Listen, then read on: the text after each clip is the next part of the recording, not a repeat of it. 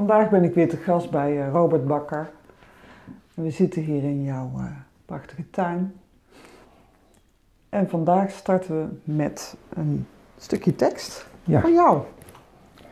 Dit heet De Zin van Stilte. Er was een eenzame monnik die op een dag bezoek kreeg van enkele mensen. Nieuwsgierig vroegen ze hem wat voor nut het leven had in stilte. De monnik, die net een emmer water haalde uit zijn diepe bron, stopte zijn werkzaamheden en zei: Kijk eens in de bron, wat zien jullie? De mensen tuurden naar het water en zeiden: We zien helemaal niets. Enige tijd later herhaalde de monnik zijn vraag. Kijk weer eens in de bron, wat zien jullie nu? De mensen keken weer en zeiden opgetogen: Oh, nu kunnen we de weerspiegeling van onszelf zien. Dat is de kracht van de stilte, legde de monnik uit. Ik was water aan het putten en daarom was het water onrustig. Nu is het rustig en kunnen jullie jezelf zien. De stilte zorgt ervoor dat je jezelf kunt zien. Maar blijf nog even hier wachten. Enige tijd later zei de monnik weer: Kijk nu nog een keertje in de bron, wat zien jullie nu? De bezoekers stuurden naar de bron en riepen uit: Nu zien we de stenen op de bodem van de bron. Juist, beaamde de monnik. Als je maar lang genoeg wacht en opgaat in stilte, kun je de grond van alles aanschouwen.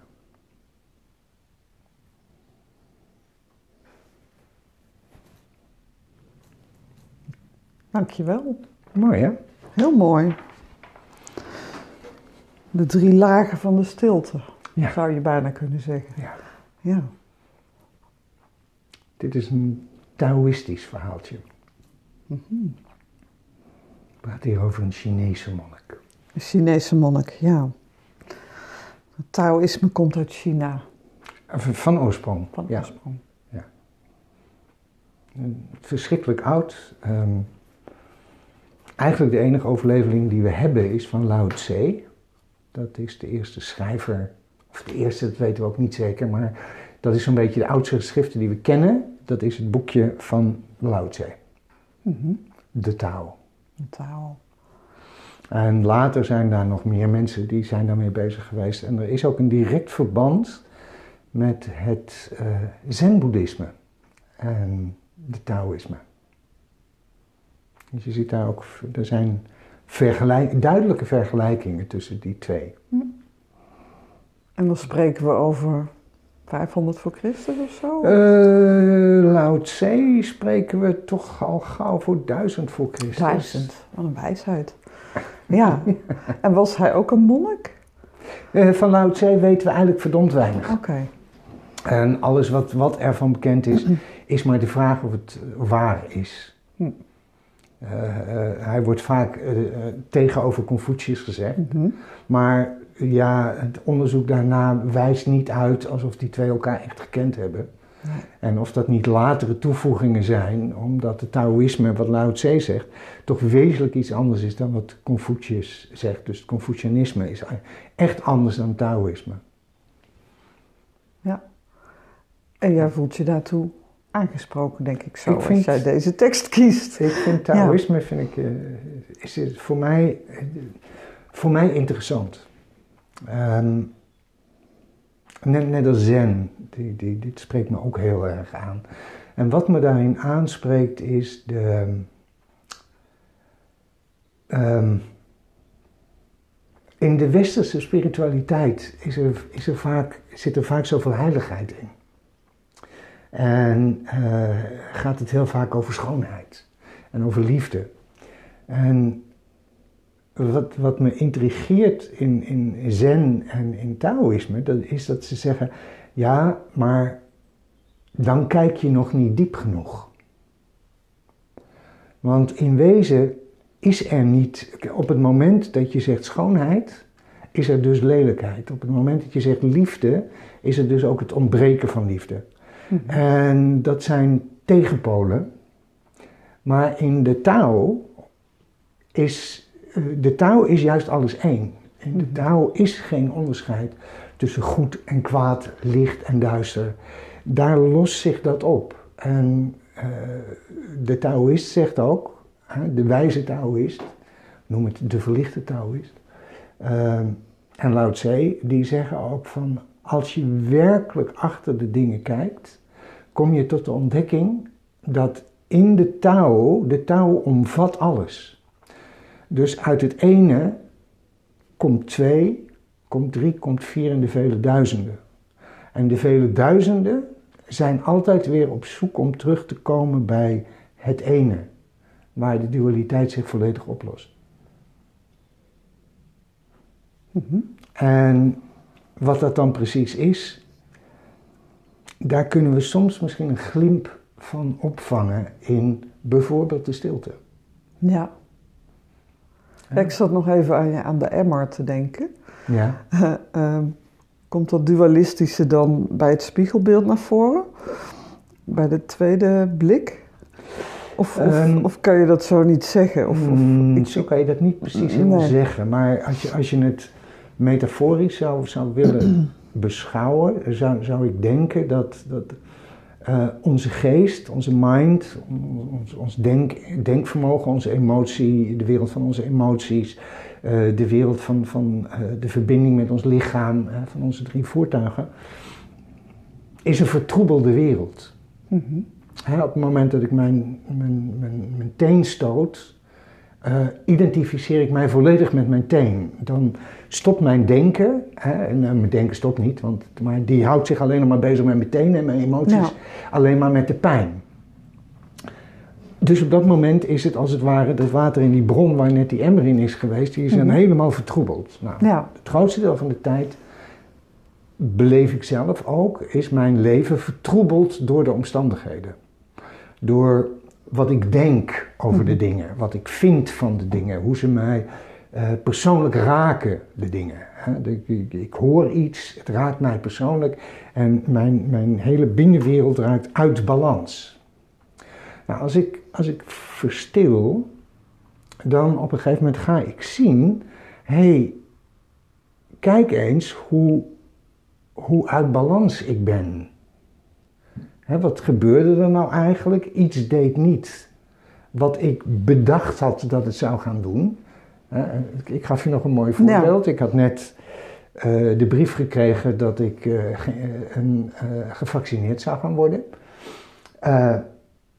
ik realiseerde me dat ik dat vanaf het moment dat ik die brief had, eigenlijk daarvoor al, dat ik dat in mijn toekomst had gezet. En dat dat dus ook een punt is van: oké, vanaf daar mag ik wat meer of zo? Of daar voel ik wat meer ruimte. Mhm. Eh, maar dat betekent dus dat ik een heel plaatje heb rondom eh, de pandemie waar we nu in, in, zitten, alles wat er op dit moment speelt. En, en ineens verandert dat beeld. En dat wilde ik niet. Dus wat gebeurt er? Ik ga denken, er komen emoties, ik raak gefrustreerd. En ik dacht, ja, maar zo meteen komt Jolande en dan moeten we het gaan hebben over. We moeten het gaan hebben over de taal. Maar mijn hele geest is getroubleerd met alleen maar datgene wat nu op dit moment speelt. Ja. Dus ik ging de stilte in en begon mij te realiseren: oh, wacht even, dit is hoe dit dus werkt. Ik had mij maar weer eens vastgelegd in een beeld over mijn toekomst. Dat beeld gaat kapot. Dus mijn binnenwereld reageert daarop uh, op verschillende manieren. Dus dat is een chaos daarbinnen. Wacht even, ik heb dit zelf gecreëerd. Dit is van mijn makelij. Dit is niet de mhm. makelij van een vaccin, niet de makelij van een virus. Dit, dit is wat ik maak. Op dat moment, in de metafoor, zie ik mijn eigen, de weerspiegeling van mijzelf. En ik, oh ja, zo werkt dat, zo zit dat in elkaar projecteer op die buitenwereld en, er gebeurt van alles in mijn binnenwereld. Nou, eh, dat speelt. Het troebele water, dat, dat had je al. Dus ineens zie ik mijzelf daarin mhm. en merk ik, oké, ik kan het loslaten. Want dat werkt zo. Want op het moment dat ik zie hoe het werkt, ontstaat er bij mij een glimlach van, oké, ik, ik heb mijzelf weer gevangen gezet. Mm uh, in, mijn, in mijn beeld van hoe mijn toekomst eruit zou zien. En dan word ik gelukkig. En nou ja, dat komt dus niet uit, dus ben ik nu ongelukkig. Oké, zo werkt dat dus. Oké, ik kan het loslaten. Heb ik, oké, nou ben ik weer in het, in het nu meer. Ik ben gewoon hier aanwezig met het vloerkleed enzovoort enzovoort. Als ik dan nog stiller word, En dan, dan zie ik ineens, hè, maar wacht even. De werkelijkheid gaat nog verder dan dat.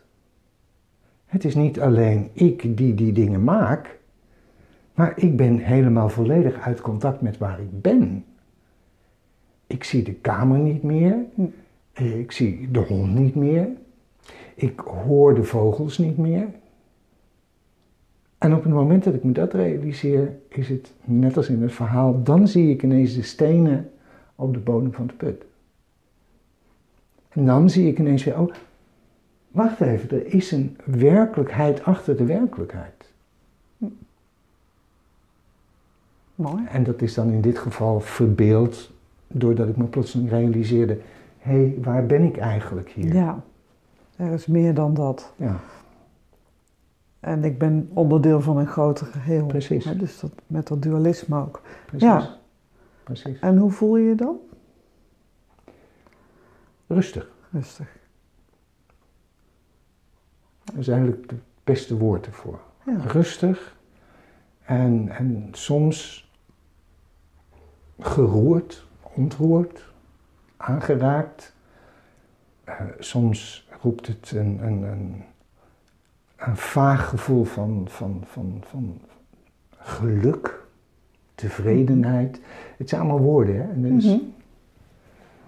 Maar, maar dat. Je kijkt er ook op een bepaalde manier bij, Ja. dus dat, dat onderstreept het ook.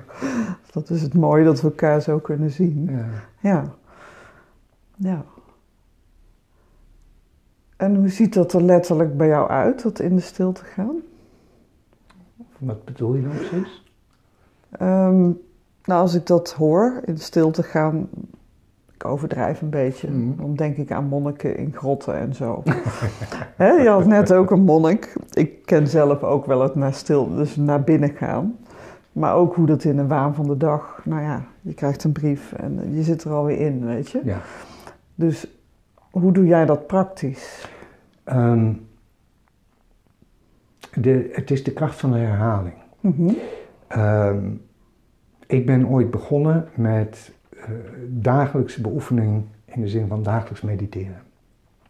Heel bewust het observeren van mijn eigen denken. Eh, het is ook de disidentificatieoefening van psychosynthese. Die heeft mij daar in eerste instantie, dat, dat is eigenlijk mijn ingang geweest. Mhm. De disidentificatieoefening. Ik ga eerst kijken naar mijn lichaam. Loop mijn hele lichaam langs. Probeer te voelen hoe mijn lichaam in elkaar zit. Of wat voel ik bij mijn voeten, mijn benen enzovoort enzovoort. Totdat ik mijn hele lichaam, inclusief zelfs mijn, mijn, mijn ademhaling, mijn bloedsomloop enzovoort, even contact mee heb gemaakt. Om dan hardop tegen mezelf, of hardop, van binnen tegen mezelf te zeggen: Ik heb een lichaam, maar ben niet mijn lichaam. Ik stap als ik disidentificeer mij van mijn lichaam. En dan de volgende stap is kijken naar mijn behoeftes, verlangens, emoties. En ook daar weer, wat speelt er op dit moment in dat gebied? En ook dan weer, dat ben ik niet. En dan kijken naar mijn denken. En dan, ik ben mijn gedachten niet. Om te gaan zien hoe je, hoe je je mind altijd weer nieuwe gedachten ophoest. En, op dat, mo- en dan de volgende stap is, maar wat is nou datgene wat zich bewust is? Wat kan dat nou zien? Mhm. En kan ik daar contact mee maken? Kan ik, kan ik als het ware los van die lichaam, gevoelens, emoties, gedachten, wat blijft er dan over? Nou, daar ben ik ooit mee begonnen. Totdat ik in contact kwam met eh zenmeditatie. Ehm, wat in feite hetzelfde doet, alleen niet, niet zo gestructureerd. Maar dat kon ik ook omdat ik eerst die gestructureerde periode heb gehad. Mhm. Want in Zen observeer ik gewoon wat er gebeurt. Ja. En dan kan het zijn dat er iets lichamelijks opkomt, of iets mentaals opkomt, of iets emotioneels opkomt. En dan zeg ik als het ware: oké, een emotie. En laat hem gaan. En dan langzaam maar zeker kom je dus meer en meer in die stilte. Nou, op het moment. ehm, op het moment dat ik werkelijk ging zien hoe, hoe dat in mij werkte, vanaf dat moment is het altijd bij me, zou je kunnen zeggen. Dus wat doe ik nu?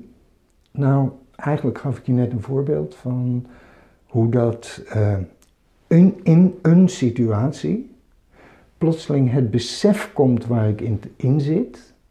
Door dat besef en daarvan los te disidentificeren, kom ik in een positie van nieuwe stilte, waardoor ik plotseling ineens als het ware daar onderuit weer contact kan maken met de werkelijkheid zoals die er is.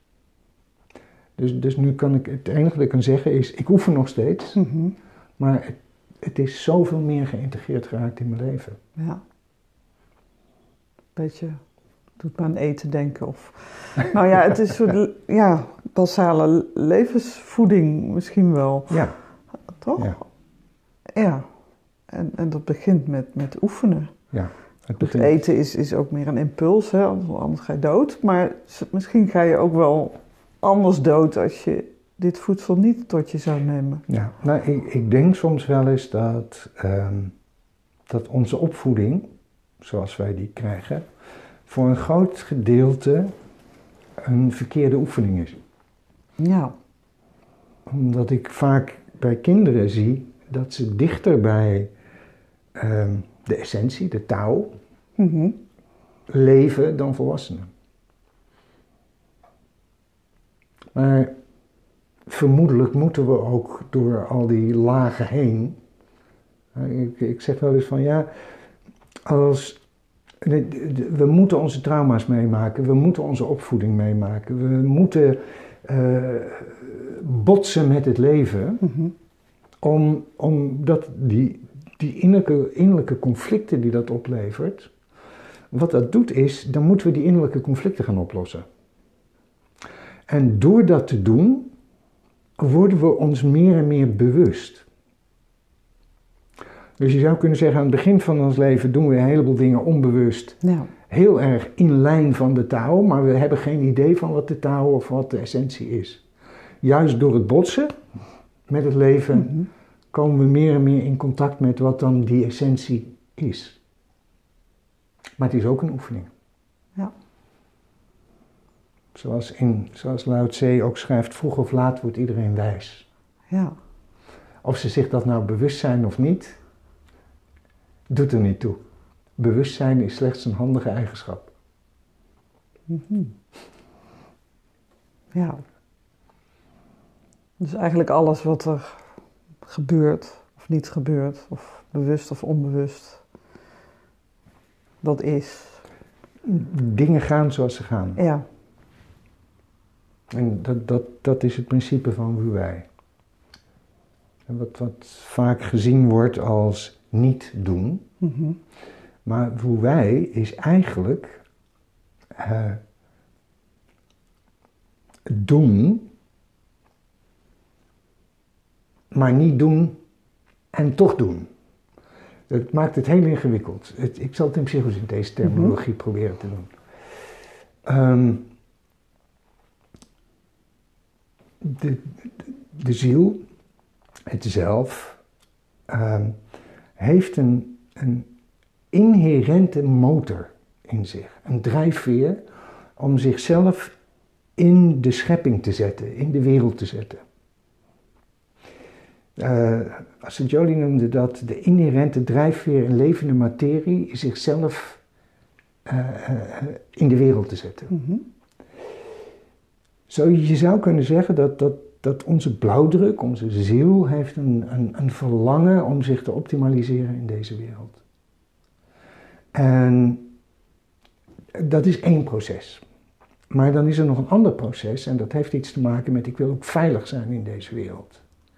Ik wil geliefd zijn in deze wereld. Ik heb een verlangen erbij te horen in deze wereld. Nou, al die impliciete verlangens die, met ons, die, die echt met ons mens zijn te maken hebben, die zorgen er dus voor dat we een, een, een persoonlijkheid, een ego uh, enzovoort creëren. Maar het verlangen van het ego, het verlangen naar veiligheid, bijvoorbeeld, om dat maar even te noemen, is natuurlijk een heel gezond verlangen. Maar aan de andere kant betekent dat dus dat ik de wereld in ga delen als in veilige plekken en onveilige plekken. Nou. In veilig gedrag en onveilig gedrag. En door dat te doen, door dat te splitsen, raak ik dus weg vanuit de diepe essentie.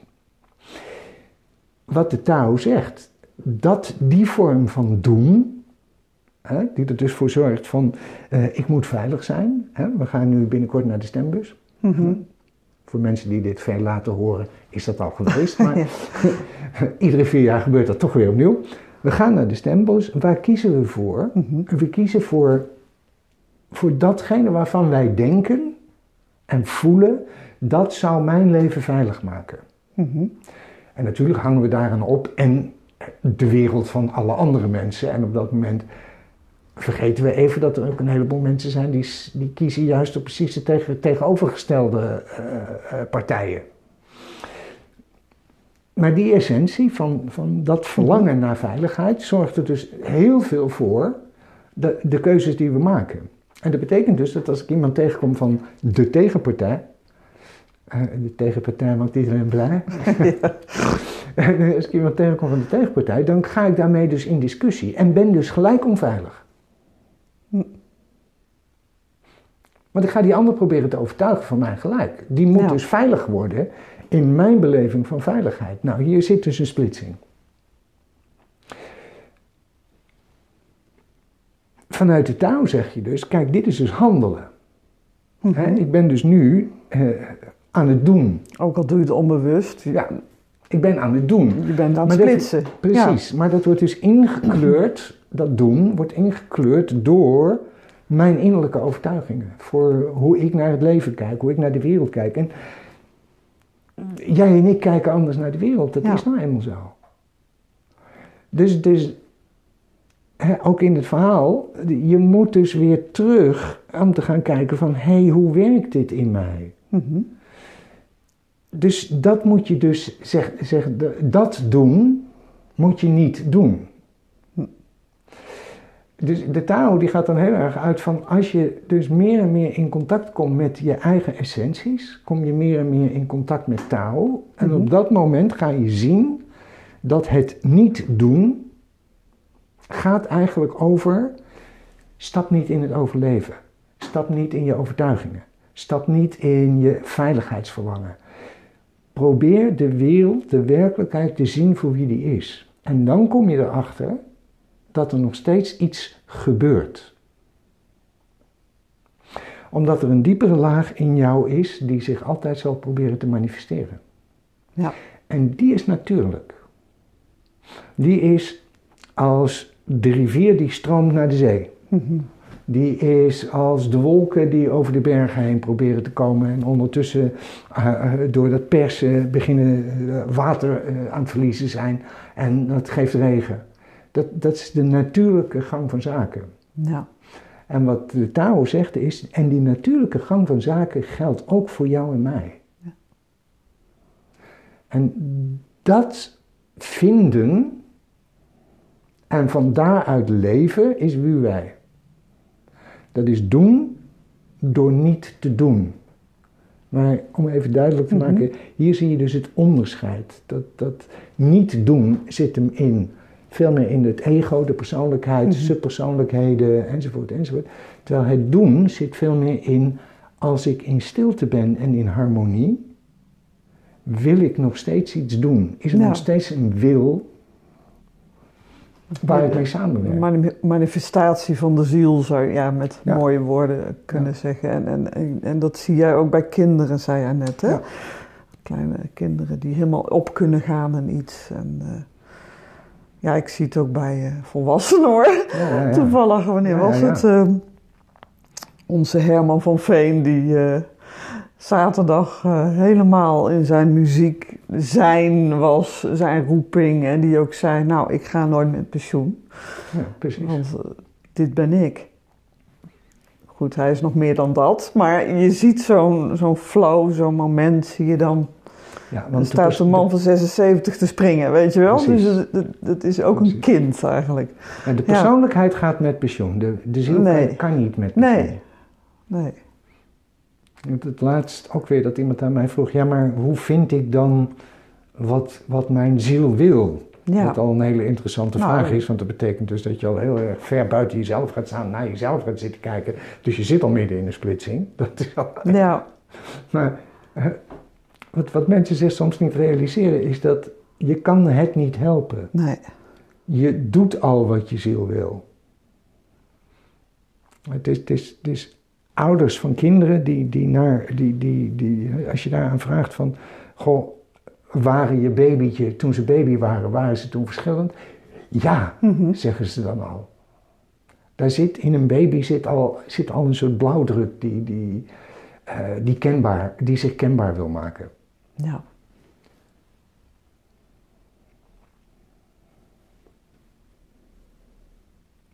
Wie wij. Wie wij. En de emmer. Daar ben ik nog een beetje mee bezig. Met wie? Met de emmer. De emmer. En de, de de, emmer de, drie, hè, de, de, de, de chaos, de troebelheid en de, De drie lagen. ja, en het zelfbeeld of de spiegeling. En de, de stenen, de nog diepere laag. De diepere laag. Ja, Ja.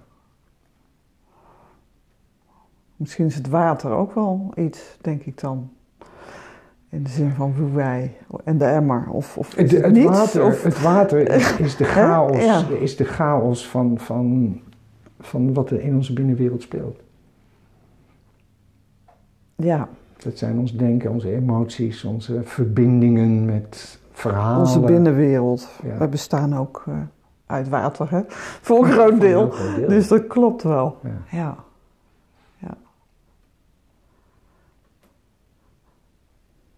Ja. Ja, voor mij werkt het om elke dag even naar buiten te gaan. En dan, wat jij op het eind zei, die, dat onderdeel van een groter geheel te voelen. Ja. En de vogels en de, de grond onder de voeten en de, de wind en de takken. En dan voel ik me, dan zit ik eigenlijk in die emmer. Ja. Of dan ben ik het water. Ja, het worden hele moeilijke beeldspraken. Maar Eh, ik weet niet of ik dan nog de stenen zie, maar dan, dan ben ik ook de stenen, geloof ik. Dus, eh, dus hoe kun je de stenen zien? Dat vind ik nog wel een hele aparte, want dat, dat impliceert een soort afstand. Hoe kun je de stenen zien? Ja. Je kan de stenen. Kijk, het, het is een metafoor, hè? dus Tuurlijk. als zodanig eh, kent hij ook zijn, zijn, zijn beperking. Maakt niet uit, ik vind het wel boeiend. Ja, Maar als je, als je werkelijk, werkelijk de, waar, waar de touw dan over gaat, is dat in wezen zijn er geen stenen. nee.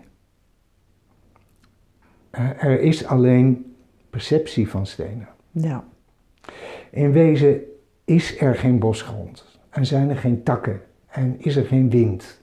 Er is alleen de perceptie van. Mhm. En op het moment dat, ik, dat, je, dat je dat wezenlijk kan beleven, dan kom je bij de touw. ja, Maar voor veel mensen is dat een hele enge, hele enge aangelegenheid. Hm. Omdat de, dat, dat gaat dus voorbij leven en dood. Eh, de Tao omarmt ook de dood. Er is geen leven, zegt de Tao, en er is geen dood. nee. En dat maakt het ingewikkeld. Want dan komen we bij hele wezenlijke dingen. Ik wil namelijk mijn, eh, mijn perceptie van de werkelijkheid wil ik niet loslaten. Die levert me te veel op, die maakt mij gelukkig. Mhm. Die maakt me verliefd, die maakt me blij. Mhm. En daar wil ik niet zo graag van af. Maar dat is nou precies wat de Tao zegt. Ja, maar wil je werkelijk achter de wezenlijke, de wezenlijkheid van de dingen komen, dan zul je moeten gaan zien dat jouw verlangen naar geluk, blijheid enzovoort enzovoort, dat dat verlangen ehm, één, dat dat een verlangen is en een onderdeel van een groter geheel. En dat dat grotere geheel omvat dat alle twee. Zowel het geluk als het ongeluk. Zowel leven Mhm. als dood. Maar daar raak ik ook altijd een beetje van. Zo af en toe kan je daar wel eens even een glimpje van opvangen. Mhm. Maar ook dat raakt bij mij. Als ik daar in de buurt kom of probeer dat te ervaren, merk ik dat ik bij dat deel in mij komt wat niet dood wil. En dan splits ik dus. Hm. Ik- dat is niet goed of fout. Dat is Nee. hoe de dingen zijn. Menselijk. Ja. En dan kom je weer bij de vaccinatiebrief. Zo zijn we lekker bezig. het is ongoing. Het is een ongoing Maar ik hoor jou zeggen, oefening baart kunst. Oefening Ik baart denk dat dat kunst een hele van- belangrijke is. Want hè, het wordt allemaal gepredikt van even snel dit en even snel. Ja, nee, dat gaat het is niet een, even het snel. is, nee, Dat gaat niet als je dit snel. werkelijk verlangt, als je dat kan bevatten, dan is dat een levenslange practice. Ik, ieder- ik denk het wel. ja, Ik denk ja. het wel. En dat levert je dan ook Het levert je ook op. op. Ja, dat klinkt een beetje economisch, maar zo bedoel ik het niet. Nou, Jij zegt rust, ik voel hè, schoonheid, liefde, dat zijn toch hele fijne verbinding. Hè, deel van een groter geheel Harmonie. enzovoort. Ja. Taal schiet daar eigenlijk tekort, Ja. maar iedereen kan denk ik wel invoelen. Het, het- ja, iedereen nou, heeft iedereen een bepaalde de potentie om het in te voelen, want Precies. dat hadden we net met de baby en het kind. Precies. Ja, dus dat, zit, dat verlangen zit eigenlijk ook Ja. in iedereen. Alleen als je weer gaat verlangen, dan ga je weer dualistisch zijn. dus het is een... Ja, maar hier zit, dit, Ja. is, dit is die paradox, hè? Dit is die paradox van ik heb een verlangen. Hè? Als je het naar, naar zelfrealisatie, naar, naar wezenlijk worden wie je bent, da- daar heb ik een verlangen naar. Mhm. En tegelijkertijd, omdat ik er een verlangen naar heb, splits ik. Ja, Want dat is dus tegelijkertijd, als ik ergens een verlangen naar heb, heb ik dus ook een onvrede naar datgene wat er nu is. zeker. Dus de Taoïst zal zeggen, ja, daar moet je dus vanaf zien te komen. Ja. Mhm. Ja. Ik heb nog wel. ja, Ik zit even naar de tijd te kijken. Ja, ik, heel ik, ik, heb nog wel een mooie, Een slot, eh, mooi, mooi slotding. prachtig. Laten we dat Ik dacht doen. van, van hoe dichtbij kan het soms wezen? Ik ben benieuwd. Nou. Picknick met God.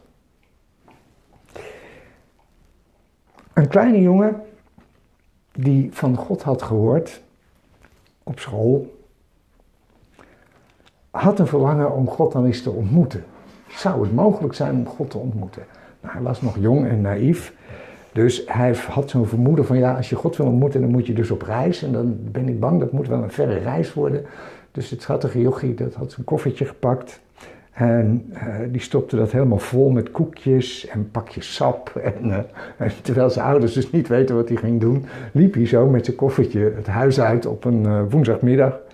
En loopt zo richting het park waar hij normaal gesproken ook wel aan het spelen is. En daar ziet hij een, op een bankje een oudere vrouw zitten. En die vrouw die zit een beetje voor zich uit te staren, een beetje naar de duiven. En eh, nou, het jongetje besluit van oké, ik ga je even naast die mevrouw zitten. En eh, maakt zo zijn koffertje open en ziet daar al die, al die lekkere knabbeldingetjes en eh, die pakjes sap zitten. En dus hij ging wat eten en kijkt zo eens naar die vrouw. En vindt dan eigenlijk dat die vrouw er eigenlijk wel een beetje hongerig uitziet. Dus hij biedt haar dan maar een van zijn koekjes aan. En die neemt zij dan heel dankbaar aan en ze glimlacht naar hem. En ga ik even met voorlezen verder. Haar glimlach was zo intens mooi dat hij het nog eens wilde zien. En daarom gaf hij haar ook een pakje sap. Opnieuw schonk zij hem die lieve glimlach. En de jongen was helemaal vertederd en verrukt. Zo zaten ze daar de hele middag, aten en glimlachten wat, maar er werd geen woord gesproken. Toen het begon te schemeren, voelde de jongen zich moe worden. Hij stond op om naar huis te gaan. Maar na een paar stappen draaide hij zich toch om, rende terug naar de oude vrouw en omhelsde haar stevig. En zij schonk hem een stralende glimlach. Toen de jongen even later thuis kwam, verbaasde zijn moeder zich over de vreugde die op zijn gezicht zat. En zij vroeg: Wat heb jij vandaag gedaan dat je zo blij bent? En hij antwoordde: Ik heb met God gepiknikt. En nog voordat zijn moeder nog verder kon vragen, zei hij: En weet je, zij had de mooiste glimlach die ik ooit gezien heb. Intussen was ook de oude vrouw stralend van vreugde thuisgekomen. Haar zoon was verbluft toen hij die vredige uitdrukking op haar gezicht zag. Hij vroeg: Moeder, wat heb jij vandaag beleefd dat je dat je zo gelukkig heeft gemaakt? En zij antwoordde: Ik heb in het park koekjes gegeten met God. En voordat hij zo nog iets kon zeggen, zei ze: En weet je, hij is veel jonger dan ik dacht. Geweldig. En daar laten we het bij. Prachtig. Ga in vrede, zou ik haast willen zeggen. Dankjewel. Dankjewel voor de mooie uiteenzettingen en teksten. En ik zie een hele mooie lach om jouw gezicht. Ik vind het ook een heel mooi verhaaltje. Mooie dag allemaal. Tot de volgende keer.